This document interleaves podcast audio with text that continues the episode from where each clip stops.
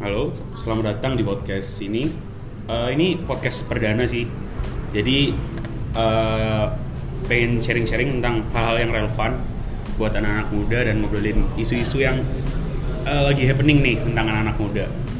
Nah, malam ini aku kedatangan temanku nih teman-teman lama yang emang kebetulan di dia satu grup kreatif agensi mungkin ya. Eh, konstelasi visi ada Arfian, ada Ardi sama ada Aca. Mungkin bisa say hi mungkin buat teman-teman dengar. Halo. Oi. Hai. Oke. Eh, langsung aja kali ya.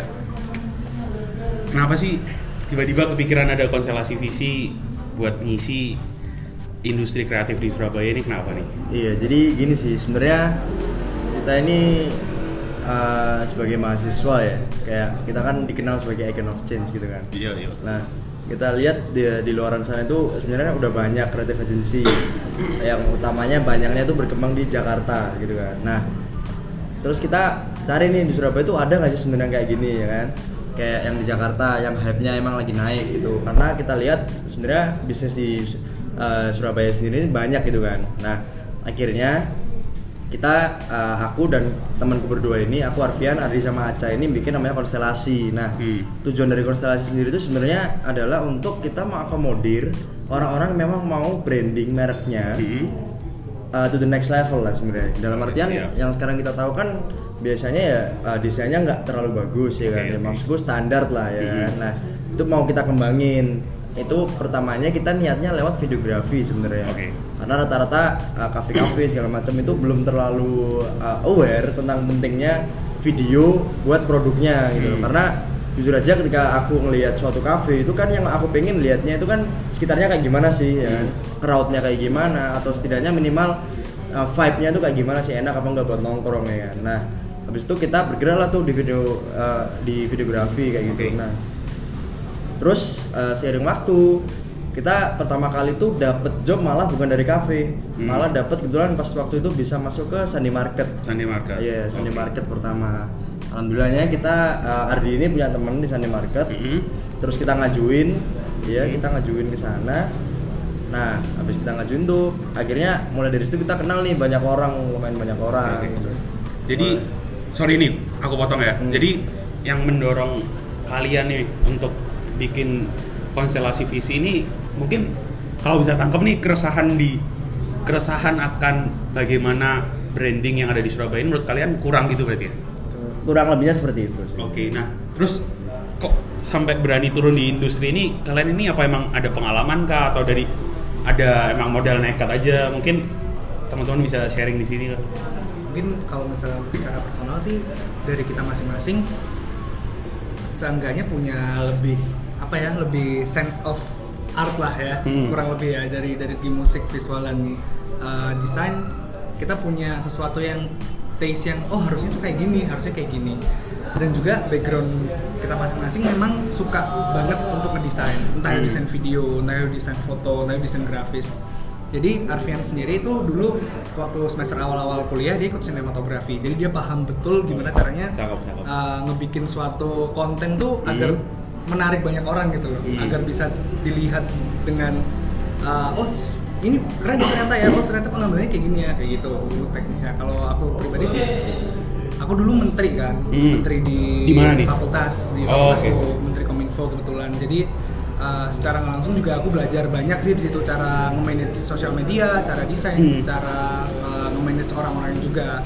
dan Ardi sendiri uh, dia lebih suka untuk mengulik sesuatu lebih dalam Tukang kulik nih ya? Iya tukang kulik. Kulik. Jadi dia bener-bener detail banget orangnya Hmm. untuk masalah desain dan apalagi sekarang di dunia kreatif ya di industri kreatif 4.0 kan memang visual yang ditekankan ya.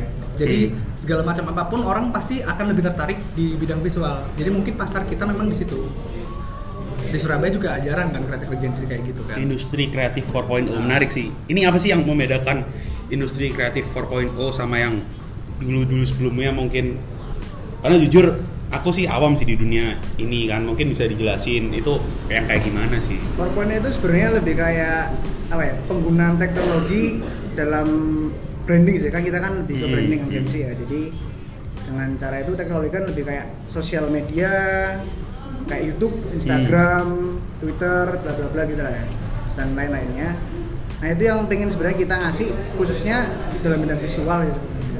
Kan kalau kita kulik lagi dari awal kita berangkat itu dari New Evo sebenarnya kan. New Evo apa nih New Evo? New Evo itu kayak band. band. Oh, Jadi band, kita itu band-band anak muda nih ya. Betul. Jadi kita band-band dari SMP kita emang udah kayak suka seni tapi emang lebih ke musik. Hmm. Nah, ketika kita kuliah, kita akhirnya mulai paham masalah kayak visual kayak si Aca lebih fotografi, Arfian ke video, Hmm. aku ke desain. Nah, di situ akhirnya kita mulai bentuk apa ya kayak branding agency tapi khusus visual. Oke, berarti emang dari awal ini cafe ini emang konstelasi visi ini emang diisi kalian bertiga ya? Atau dulu sendiri berdua atau emang dari awal from the begin- beginning kalian emang startnya emang bertiga atau gimana? Sebenarnya eh, dari awal memang kita bertiga. Kan awalnya tuh ya tadi yang disampaikan sama Ardi kita tuh berawal dari New Evo nih. Kita ngeband pada zamannya itu kita sempat ya kita menganggap sudah agak naik level lah. Dalam Hmm. artian kita udah pernah tampil di TV Wih. ya kan? Di salah satu TV Artis nih. lokal. Di salah satu TV lokal. Nah kemudian sejak drummer salah satu drummer kita itu keluar Hmm. karena kuliah di Bandung kan di ITB akhirnya kita mikir nih gimana caranya kita tetap bisa kumpul. Awalnya tuh sebenarnya sesimpel itu sesimpel gimana caranya kita tet- tetap stay ketemu gitu loh. Nah akhirnya Ardi yang pertama. Gimana Yeah. kalau pertama tuh kita mau bikinnya musik session. Mhm. kayak salah satu YouTube terkenal kayak apa Stars apa?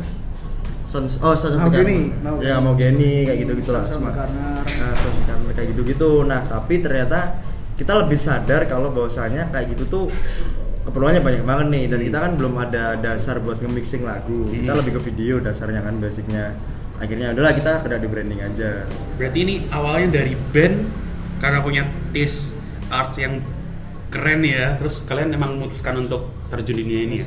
Betul sekali. Terus kan kalau dari penjelasan di awal tadi kan industri kreatif di Surabaya itu mungkin belum segeliat di kota-kota besar lain. Mungkin let's say kita bisa sebut kayak Jakarta, Bandung, Bali, Jogja yang memang uh, mungkin mereka lebih ini enggak sih? Mungkin percepatan. lebih cepet lah geraknya Ah. lebih cepet benar, benar. Nah, di balik itu Nah. kan pasti ada potensi yang bisa dimanfaatin dan ada tantangan. Nah, kalau tantangannya nih apa sih sampai sampai saat ini nih tantangan kalian untuk mengembangkan ini di Surabaya itu apa sih?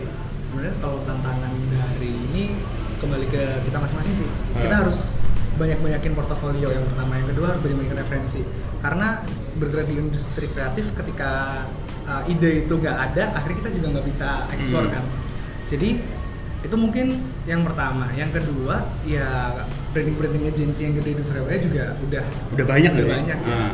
jadi mungkin kita lebih cari untuk tes kita masing tes kita masing-masing sih tes tes dari uh, konstelasi bisnis ini sendiri. Itu itu PR-nya tantangannya itu sih. Agar orang bisa bedain ketika dia Mana pakai agensi uh, agensi yang ini oh dia punya tes kayak gini oh aku nggak Hmm. cocok aku lebih cocok tesnya konstelasi fisik karena seperti ini. Kayak gitu sih tantangannya. Hmm, sama ini sih kalau aku mau nambahin uh, kita sebenarnya kan kita tahu branding agency emang yang udah gede-gede kan. Contoh sebenarnya kita pasti semua tahu yang dengerin podcast gak pasti tahu namanya People Film ya kan? People Film. People Film pasti orang tahu lah sekarang Itu dengan yang kemarin dipakai, Rumit uh, Jokopi. yang Jokopi. Ya, keren nah, sih itu keren. keren kan parah kan. Nah kita melihat mungkin dia ada di menurut kita nih mereka ada di mereka ada di top levelnya Surabaya ya kan? Top level videographer lah kalau aku bilang ya kan? Di bawahnya kemudian ada Fuck Love nah di bawahnya ini itu sebenarnya banyak tapi nggak terekspos. Hmm. nah makanya tantangan kita adalah gimana caranya kita dikenal dulu sebenarnya pertama itu. Karena kita kan ya kita nggak dikenal orang juga terus juga ya kita basicnya bukan basic anak videografi sebenarnya Bukan karena lulus- hobi aja ya bukan lulusan ya. itu ya lulusan desain gitu kan. benar akhirnya kita men- awalnya kita buka untuk yang memang uh, sorry nih kafe yang budgetnya kecil gitu loh. Mhm. kafe yang budgetnya kecil yang butuh video branding gitu karena kita tujuannya mau memperkenalkan dulu urgensi video branding itu kayak gimana Udah udah berapa bulan sih ini konstelasi visi berdiri dari April ya dari April. eh sorry dari Januari Januari. dari Januari, Januari berarti kurang lebih udah 8 bulan ya. Iya. Pasti banyak project-project yang udah mulai masuk nih kan ya. Nah, itu kalian project pertama apa sih? project pertama kita itu tadi yang udah disebutkan Yang ya. Sunday Market sih Sunday Market. Iya. itu kita strategic partner ya di situ ya Ah. Jadi gimana tuh? Jadi kalian ngeliput Sunday Market sebagai partner kah atau di dalam Jadi kepanitiaannya sendiri atau gimana? Paham ya. Jadi eh, kalau Sandi Market sendiri sebenarnya udah ada timnya tuh, Hmm. tim yang memang udah dari tahun sebelumnya. Nah, Hmm. kita masuk sebagai strategic partner dalam artian selain mereka juga ngeliput, kita juga ngeliput ibaratnya kita juga ngebas ya. Kita jadi buzzer lah. Kita Hmm. jadi buzzer yang nggak resmi buat Sandi Market kayak gitu. Nah, dari situ mungkin setidaknya kan kita tahu nama Sandi Market udah berapa tahun yang lam- udah berapa tahun lamanya kan sejak ya. nah, sejak 2012 kan. Ya ada sejak 2012. Nah, kemudian kita datang ke situ sebenarnya awalnya itu agak sulit ya mulai. Itu nekat aja atau emang apa di kontak atau gimana? Nekat aja, nyoba aja udah, iseng aja. Karena emang waktu itu kita uh, cari event yang deket kan. Mm-mm. Karena kafe kafe-kafe yang kita tawarin memang belum terlalu aware sama video branding sehingga udahlah seadanya dulu aja. Hmm. Dan alhamdulillah alhamdulillah uh, lancar juga alhamdulillah. Dan responnya dari Market juga bagus. Hmm. Terus habis itu setelah itu kita kita langsung ngajuin ke eh sebenarnya nggak apa-apa lah ya sebenarnya ke janji jiwa. Ya langsung kita Oke. ke kita nembak janji jiwa Mulyorjo. Nah tanpa disangka-sangka ya kan? Tanpa disangka-sangka dia deal gitu loh.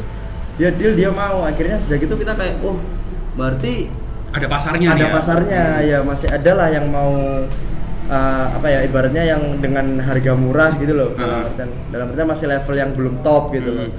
nah itu dari itu kita mulai melihat apa mengapproach kafe-kafe yang di Surabaya Berarti eh, kalian berawal dari Sunday Market terus beranjak langsung ke tadi janji jiwa. Gimana nih? Apa namanya sampai saat ini yang menurut kalian project yang paling menarik yang mana sih? Pasti kan mereka punya poin yang menarik masing-masing, tapi yang jadi tantangan buat kalian nih apa? Project yang disuruh buat yang bikin apa nih? Campaign apa kayak? Atau mungkin yang kemarin kalau nggak salah aku lihat ada campaign kemerdekaan nih. Hmm. Apa itu salah satu yang menarik atau gimana? Jadi kita sih akhirnya kan karena ada jiwa tadi kan di cafe ini kita mulai dalemin tentang sosial media management. Nah setelah itu akhirnya di sosial media management kan kita eh, kayak apa ya kayak semacam aktivasi konten untuk Hmm. jadi jiwa dan setelah itu kita juga akhirnya melajari gimana sih kayak per bulannya event-event apa yang sering terjadi di Surabaya kita lebih aware Oh itu ada risetnya tuh waktu itu. Hmm, jadi setiap kita bikin konten selalu ada riset dulu sebelumnya. Hmm. Kayak misalnya apa yang kita mau sandingin. Contoh kayak Merdeka kemarin, oh di Agustus ini kita bakal ada kayak kemarin itu suatu konsep gitulah ya Hmm. konsep buat kemerdekaan kemerdekaan itu contohnya. Itu akhirnya kita matengin dulu, kita riset pasar, nah itu akhirnya kita baru bikin kontennya. Itu sebenarnya. Hmm, ini sih kalau tantangannya sebenarnya susahnya adalah memvisualisasikan keinginan klien karena jujur Oh. kita basicnya kan sinematik banget ya nih. Ah, ah. waduh sinematik lebih Padahal- ke video showcase Lebih gitu ke- ya. Padahal dari fakultas yang nggak ada hubungannya sama. Iya, Ah, bener banget. Ini mungkin buat teman-teman yang lagi dengerin, buat info kalau uh, konstelasi visi ini nggak ada sama sekali anak-anaknya emang dari berasal dari bidang seni kali ya. Arfian ini apa? benar Eh, aku sendiri di Fakultas Hukum UNER Kalau ada di, Sipil. nah kalau Aca apa nih? aku di radiologi Waduh, bener-bener bener-bener beda sih ya. Jurusan yang tiga-tiganya Iya. bertolak belakang, Iya. tapi bisa satu blend buat. Emang tesnya keren sih ini. Emang berangkatnya dari hobi sih. Dari emang waktu SMP kita udah suka seni, Mm. terutama musik kan. Mm. Nah akhirnya ketika mahasiswa kita lebih ke visual juga. Ya akhirnya kita mulai explore di situ. sih. Karena kalau misalnya kita hobi punya hobi tapi nggak Dimanfaatin. dimanfaatin apalagi uh, dapat duit juga Profit kan lah ya, Nah, kita lihat ada profit, nah, kenapa enggak gitu kan Bicara profit menarik nih. tapi kayaknya Ditahan dulu deh, kayaknya buat akhir-akhir tuh profit. Buat Evan lah. Iya. buat Evan. Nah, ini kan tadi ngomong tentang yang janji jiwa, yang merdeka, yang campaign merdeka itu butuh berapa lama sih bikin video-video kayak gitu nih? Eh, sebenarnya kalau dari secara teknis mulai kita ngidenya itu Ya, timeline-nya nih, ngidenya, perlu ha, berapa timeline-nya tuh ngidenya sendiri ada sekitar kita di deadline tuh empat hari. Kita di deadline empat hari alhamdulillah kita dua, dua hari udah kelar ceritanya. Habis itu eh, kita take take seminggu full tuh. Seminggu full take kelar. Habis itu udah editing editingnya tiga hari terus kelar. Jadi totalnya sekitar ya 10 12 hari lah totalnya. Yang lama itu justru take-nya atau cari idenya nih sebenarnya? Atau cari pengisinya nih mungkin? sebenarnya ini sih mungkin yang pertama itu ide ya. Karena jujur kita pengen kita sebagai pendu- eh, peng- pegulat industri kreatif itu kan kita dituntut untuk kreatif ya kan? Kita harus membawa ide yang baru yang fresh. Itu yang sulit. Ketika kita udah bikin kon dan belum belum lagi kalau kita udah bikin konsep bagus nih. Terus kliennya maunya yang yang simpel aja mas. Yang yang Ah. yang isi isi apa gampang nangkapnya gampang aja. iya. nggak usah terlalu berat. Karena Hmm. kita kan tujuannya branding bukan lomba film gitu. Itu itu juga jadi tantangan tersendiri sih sebenarnya itu yang lama terus mungkin selanjutnya uh, pencarian talent Hmm. penyarinya gampang menyesuaikan jadwalnya yang sulit sejujurnya apalagi juga kita kuliahnya beda-beda juga kan mana Sebenarnya dari kita sendiri kendalanya memang juga nyesuaiin jadwal lu tadi sih untuk take-nya karena nggak nggak semua dalam satu hari itu bisa kosong gitu untuk jadwalnya. Iya benar sih benar-benar. produksi lah ya Iya untuk produksinya. Tapi mungkin untuk konsep biasanya sih sebelum se- sekitar satu bulan sebelum hari H kita udah punya konsep kasar dulu lah seenggaknya sudah punya konsep kasar dulu ntar mau aplikasinya kayak gimana kayak gitu. Berarti justru yang sebenarnya yang agak susah nih ngeklopin jadwal kalian ya sebenarnya. Iya benar sih. benar benar itu benar banget sih Terus lagi talentnya talentnya? uh, talentnya kalau misalnya satu orang sih mungkin oke ya kalau misalnya kita butuh dua sampai tiga orang itu juga yang Nah, susah iya, nyesuaiin. nyesuaiinnya. Kemarin berapa talent nih untuk yang kemarin gue cuma satu kemarin cuma satu yang sebelumnya yang lebaran itu ada dua Hmm. ada uh, talent ibu-ibu sama talent cewek mahasiswa yang susah itu waktu hari anak sebenarnya oh iya Iya. benar ada lagi Ya, hari itu anak anak. juga. Jadi Kenapa kita itu hari di anak? konten Hari anak. jiwa itu kan juga pernah Oh ini janji jiwa juga nih. Janji Jiwa. iya, janji emang hutan janji jiwa kan kayak partner kita yang Project paling lama lah, iya. Hmm. itu ada ada bulan yang ada hari anak nggak salah itu ya. Hmm. hari anak kita mengundang anak kecil di daerah rumah kita kayak Oke. aku eh, ngajak adik sepupuku dua Hmm. terus Aceh Soalnya ngajak ponakanku Hmm. Alfian sendiri ngajak karena emang udah ini banget buntu banget Iya. soalnya Pak itu tuh ngarahin anak-anak itu iya susah banget. Iya, benar. apalagi yang rame lari-lari lah yang inilah untuk mendudukkan aja butuh waktu udah Itu take banyak banget berarti ya. itu dua hari ngambil Buat take-nya aja ya. buat take-nya aja ya Terus kalau proses editing lebih cepat kali ya. tergantung mood sebenarnya. Nah, ini nih Tergantung susahnya. jadwal, ya. Ah, susahnya nih buat teman-teman yang mau memulai industri kreatif, jaga mood kalian dengan baik. Karena asli ketika mood kamu jatuh, ya udah kelar. Dalam artian ngedit pun nggak akan nggak akan bisa gitu. maksimal.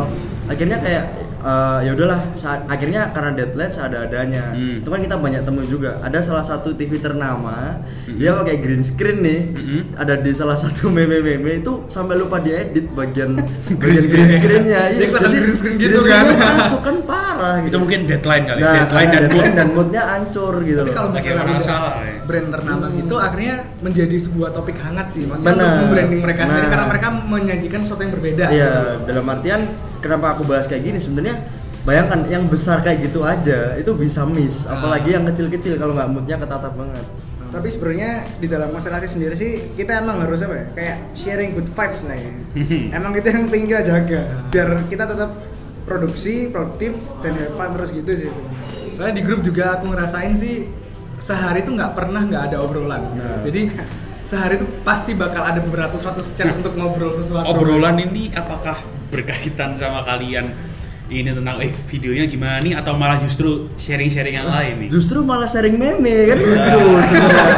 buat membangun good vibes itu tadi kita akhirnya cari hal-hal yang lucu lah buat apa penat misalnya Hmm. dan kita bertiga alhamdulillah nggak ada rasa kayak misalnya aku lagi bad mood nih mau Hmm. cerita itu nggak mau karena dari awal kita udah perjanjian kalau emang ada masalah ada apa yang sekiranya itu nggak terlalu personal Hmm. sampein aja biar kita bisa ikut menghibur gitu dan alhamdulillah ya Sampai sejauh ini nggak gitu nggak ada masalah-masalah personal di dalam ini nggak ada ya? alhamdulillah nggak ada aman isi going semua sih enak Itu mungkin jadi tantangan ke depan sih kali ya. Benar. Terus kalau kan ini berbicara tentang apa ya seni itu kan pasti ide itu kan pasti ada perbedaan ide ada tabrakan ide. Nah ini kalian ini pasti sering kan ada mungkin ini pengen kayak gini satunya pengen kayak gini ini kalian gimana tuh? Lebih gini sih jadi kalau solusinya misalnya- gimana? Solusinya? Ini aku ambil contoh edit video aja ya karena uh, kita sering banget saya kayak gontok-gontokan untuk masalah konsep sih. Hmm. akhirnya mau nggak mau juga salah satu saldo dari kita harus ngalah juga sih. Jadi lebih untungnya kita kenal dari kecil lah ya kenal dari SMP ya. Jadi udah tahu uh, karakter masing-masing pribadi masing-masing. Ah. jadi ketika ada satu yang oh nggak bisa aku pengen kayak gini harus kayak gini ya akhirnya kita juga ngalah gitu loh. Ngalah tapi juga ngasih solusi beberapa gitu loh. Nah, untuk untuk nambahin oh enggak sebenarnya kayak gini aja. Dan alhamdulillah juga ketika kita ngasih solusi pada nerima anak-anaknya Iya. rasanya egoisme di antara kita nggak seberapa nggak tinggi iya, iya. mungkin belum mungkin ya mungkin tapi jangan sampai karena base kita bikin kayak gini kan memang keluargaan kan Hmm. jadi dari awal kita bikin kayak gini memang ya harus menyampingkan egoisme itu sendiri demi terciptanya kekeluargaan gitu loh karena kalau misalnya nggak kayak gitu akhirnya kita nggak bakal bisa jalan bertiga bakal jalan sendiri Benar, sendiri benar. gitu. Terus ke depan nih apa nih ada upcoming project nggak nih? Apa yang terdekat nih? Apa udah ada masuk di waiting list kalian? sebenarnya kalau buat klien kita nggak ada waiting list Hmm. ada satu baju sih tapi kayak nextnya ini kita membuka jasa baru social media management sih sebenarnya Itu gimana tuh? itu mungkin Ardi bisa jelasin ya kayak- konsepnya sebenarnya sama kayak jadi jiwa sih tapi kita lebih spesifikin kayak dengan kualitas lebih baik dan kita bisa nyari pasar yang lebih besar Hmm. jadi kita siapin sebuah sistem di mana nanti uh, kafe-kafe itu bisa nyari ke kita dan kita provide semuanya gitu Jadi Berarti banyak. kalian mungkin untuk lebih mudahnya berarti kalian sebagai admin yang mengaktifkan pos-posnya itu, kalian bikin Benar, postnya, bikin benar. story, Benar. pokoknya berkaitan tentang sosial media. Yes. kita admin, copywriting, fotografer, videografer, content creator, Paket lengkap. paket Iya, lengkap. paket Jadi lengkap. one step solution for your social media management lah ya. Mantap nih kayaknya emang marketingnya Ardi paling masuk. Dengar-dengar Ardi ini bagian marketing juga nih. Iya betul betul. Jadi- Berarti tembus-tembus kemarin itu salah satunya juga dari Ardi juga. oh nih? sudah tentu tanpa marketing saya tanpa iya marketing bertiga lah, bareng-bareng kita bertiga. Ada yang mau rencana mau dimasukin nggak nih ke depan? Siapa tahu kan dengerin nih bisa aware sama konstelasi visi kan. Kalian mau masukin ke mana nih? Hmm, mungkin sementara masih itu sih kayak eh, jadi ada kayak semacam developer aplikasi Hmm. itu dia tuh mau nawarin ke kita kita udah deal dealan sih sebenarnya kita Hmm. mau mungkin beberapa bulan ke depan bakal kita ngerjain project itu sih sebenarnya Oh. plus tambah website juga jadi kita ada website developernya juga ke dia gitu. Terus kalau dengan rencana kalian yang panjang nambah kayak tadi, berarti kan apakah dengan tiga orang ini cukup? Apakah kalian ada rencana nambah? Karena kalau kita bahas-bahas creative agency salah satunya mungkin jadi benchmark saat ini kan makna kali ya. Iya, benar. Makna itu uh, 15. 15 orang ya 15 mungkin orang, benar. nggak bisa langsung kita samain apple to apple sekarang tapi apakah ada rencana ke depan untuk kalian yang darinya tiga jadi 5, 15 atau udah deh kayaknya stop di tiga dulu karena mungkin atau ada pandangan lain. Sebenarnya kalau buat uh, nambah tim kita kemarin kebetulan kan setelah Sunday Market yang awal itu Februari kemarin kita megang lagi nih alhamdulillah. Hmm. Market kemarin ada Merdeka. Nah dari situ kita udah mulai ngajak tim nambah tim nah, tiga ya tiga orang buat videografer nah tapi rencana buat sosial media manajemennya sendiri itu tentu kita nggak akan lepas dari nambah tim karena Hmm. sejujurnya kita bertiga sudah mulai merasa disibukkan dengan aktivitas kampus kan Mm-mm. Nah, artian kita uh, aku sama Anca udah mulai nyusun skripsi, sorry sorry jadi bakal nambah bakal nambah. oke ya. bakal terus terus Bakal nambah ya. Jadi ya itu tadi karena untuk mengakomodir kesibukan itu tadi kita mau buka open recruitment. Jadi teman-teman nih yang graphic designer or something yang berhubungan silakan kepoin konstelasi visi. udah ada target belum nih siapa siapa atau belum sih, belum ada sih. kita cuma nyusun itunya aja sih kalau divisi ini berapa Hmm, orang strukturnya, ini berapa, strukturnya Terus apa namanya menarik sih sebenarnya. Ke depan ini berarti kalian tadi udah mulai dari bikin video udah, aktivasi sosial media udah. Apa ada rencana lain mungkin? Mungkin kan dunia ini kayaknya deket sama kayak ini ya, kayak event-event kayak gitu-gitu kali ya. Yes. Nah, Atau mungkin kalian ada pandangan ke situ nih. Ini kan mungkin yang kalian belum pernah omongin di sini. Aku pengen kulik nih, mungkin bisa dibahas di sini. ada sih Eh, tapi Gak apa-apa, mungkin salah satu dari kalian nggak sepakat ngomongin di sini. Mungkin kalian mau apa nih? Ada rencana? mungkin sebenarnya mungkin kalau yang paling jelas sekarang sosial media management sih kita pengen memperbaiki kualitas kita dan juga bisa nge-provide kualitas yang lebih banyak sih itu sebenarnya Hmm. ada lagi sebenarnya satu cuman coming soon lah ya. nanti Coming kita soon. hmm. Nah, Pantengin terus, follow dulu aja visi. Promosi terus. Emang emang berat nih ya. Terus eh, kalian apa namanya? Setelah ini kan kalian udah semester akhir nih. Ini setelah ini kalian kan ada yang mau jadi jaksa, ada yang mau jadi ini ini ini. Apa kalian bakal ini bakal ditinggal kah atau kalian bikin eh, manajemen yang untuk handle ini atau kalian pengen fokus di sini? Karena cepat atau lambat kurang Pasti. berapa bulan kan. Ah, Nah, iya, pasti, terjadi. pasti. itu kalian gimana nih? Ada rencana nggak buat itu? Jadi kalau soal itu kita udah memikirkan itu sebenarnya sejak bulan apa ya? Februari Sejak kan? Februari ya. Sunday market itu kan. Sejak Iya, optimis skrip- skripsi diterima. sejak sejak Februari kita udah memperkirakan nih kira-kira kan ini Ardi kan angkatan 17 nih yang Hmm. paling aman kan sebenarnya Ardi Hmm. Cuma kita menghitung aku sama Aca nih kan kira-kira ya sampai Desember lah bisa stay di sini. Setelah Desember itu- tahun depan? Desember tahun ini. Oh, tahun ini. Desember Kirain tahun depan. Ih, jangan lama-lama dong. jangan lama-lama dong.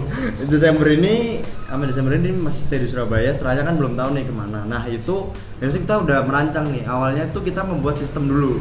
Sistem tuh maksudnya kita membuat bagian organisasi aja struktur ya struktur Hmm. gitu kayak ada head of head of marketing head of production sama head Hmm. of apa sih finance finance ya finance nah kemudian dari situ makanya itu kita sekarang mulai membuka pintu buat teman-teman yang mau join contohnya kayak kita kemarin ngajak Tim. temen itu juga uh, tujuannya buat megang urusan ini gitu karena kita kita bertiga ini sudah berniat buat udah saatnya kita kayaknya tahun depan itu kita Hmm. udah megang tim Hmm. dalam artian kita udah jadi head of head of-nya lah Hmm. jadi kita punya kawan bukan kawan sahabat ya kan sahabat yang kita bisa minta tolong buat ini tolong yang ini gitu jadi project manager lah kayak gitu karena ya kita sadari ya itu tadi Kita tuh nggak bakal tahu kan ke depannya kayak Ya, gimana. kan. benar, Jadi benar. untuk berjaga-jaga uh, kita harus Regenerasi. nge-hire lah ya buat regenerasi Hmm. biar kafe ini tetap jalan gitu.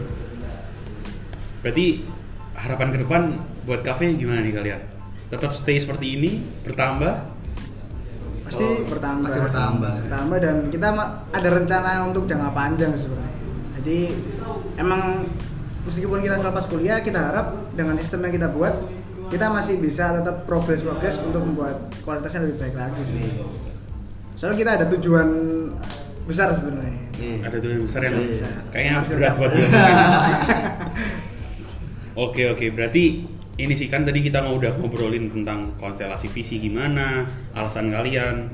Terus ini sih yang belum kita singgung terkait di Surabaya ini kalian harapannya setelah ada konstelasi visi ini apakah eh, orang-orang di Surabaya itu semakin aware dengan branding kah atau gimana? tujuan utamanya sebenarnya kembali ke awal tadi kita pengen orang-orang aware sama branding dulu sebenarnya Hmm. Karena ya sayang misalnya ada suatu owner cafe dia udah bikin budget banyak segala macem. Katakan kopi ya kopi aja mesinnya udah seratusan lebih seratusan Ya, lebih ya. ya kan? Dan ternyata branding dia nggak rame hanya gara-gara gara-gara brandingnya yang kurang. Nah itu sih yang yang yang yang tujuan utama kita adalah branding itu tadi membuat aware dulu kan brand sama produk lah ya bukan Iya, hanya brand. kafe tapi brand sama produk semua. Dua pertanyaan terakhir nih sebelum eh, sebelum kita ngakhirin sesi ini eh, kalian boleh dikasih tahu nggak sih ini kira-kira gimana nih? Kalian pendapatan ini aka- apakah menjanjikan kah? Atau karena kan yang dengar-dengar ini teman-teman anak muda siapa tahu mereka juga tertarik bisa kasih bisikin. Mungkin kalau nggak nggak usah nominal deh iya, apakah- iya, iya. kisi-kisi kisi-kisi. Hmm, kalau sebenarnya eh, aku dulu ya yang pertama ini. Kalau menurutku pribadi mewakili kalau kita lihat skalanya memang nominalnya nggak besar. Cuma memang yang nggak bisa kita dapetin kalau kita nggak buka ini adalah relasi sebenarnya. Hmm. Relasinya kacau sih. Kita jadi kenal banyak videografer, kenal fotografer, bahkan kenal kayak orang-orang yang desain graphic designer desainer Hmm. drone yang udah mereknya terkenal ya kan. Hmm. Salah satunya kayak Lightroom itu salah satu teman kita ada yang magang di sana.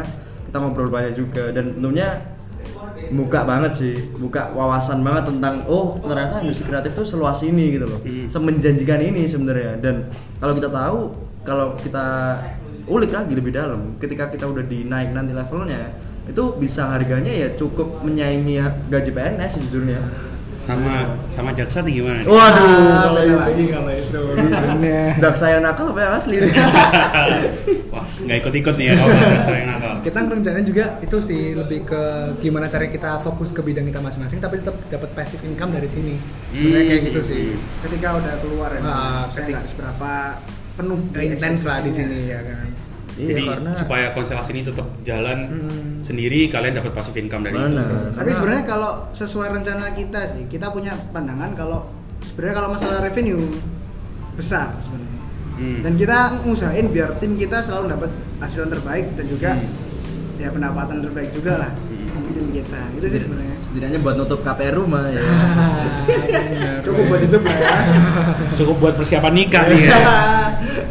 Oke, nggak kerasa sih sekarang udah hampir 30 menit. Mungkin ini sih terakhir eh, kalian masing-masing ada ini nggak sih apa yang mau diomongin buat teman-teman yang dengerin ini? Mungkin kayak eh, apa tantangan buat baru mulai, mungkin yang masih bingung di luar sana yang masih mulai nggak ya bikin bisnis kayak gini nggak ya atau apply jadi salah satu video maker di konstelasi nggak ya apa nih?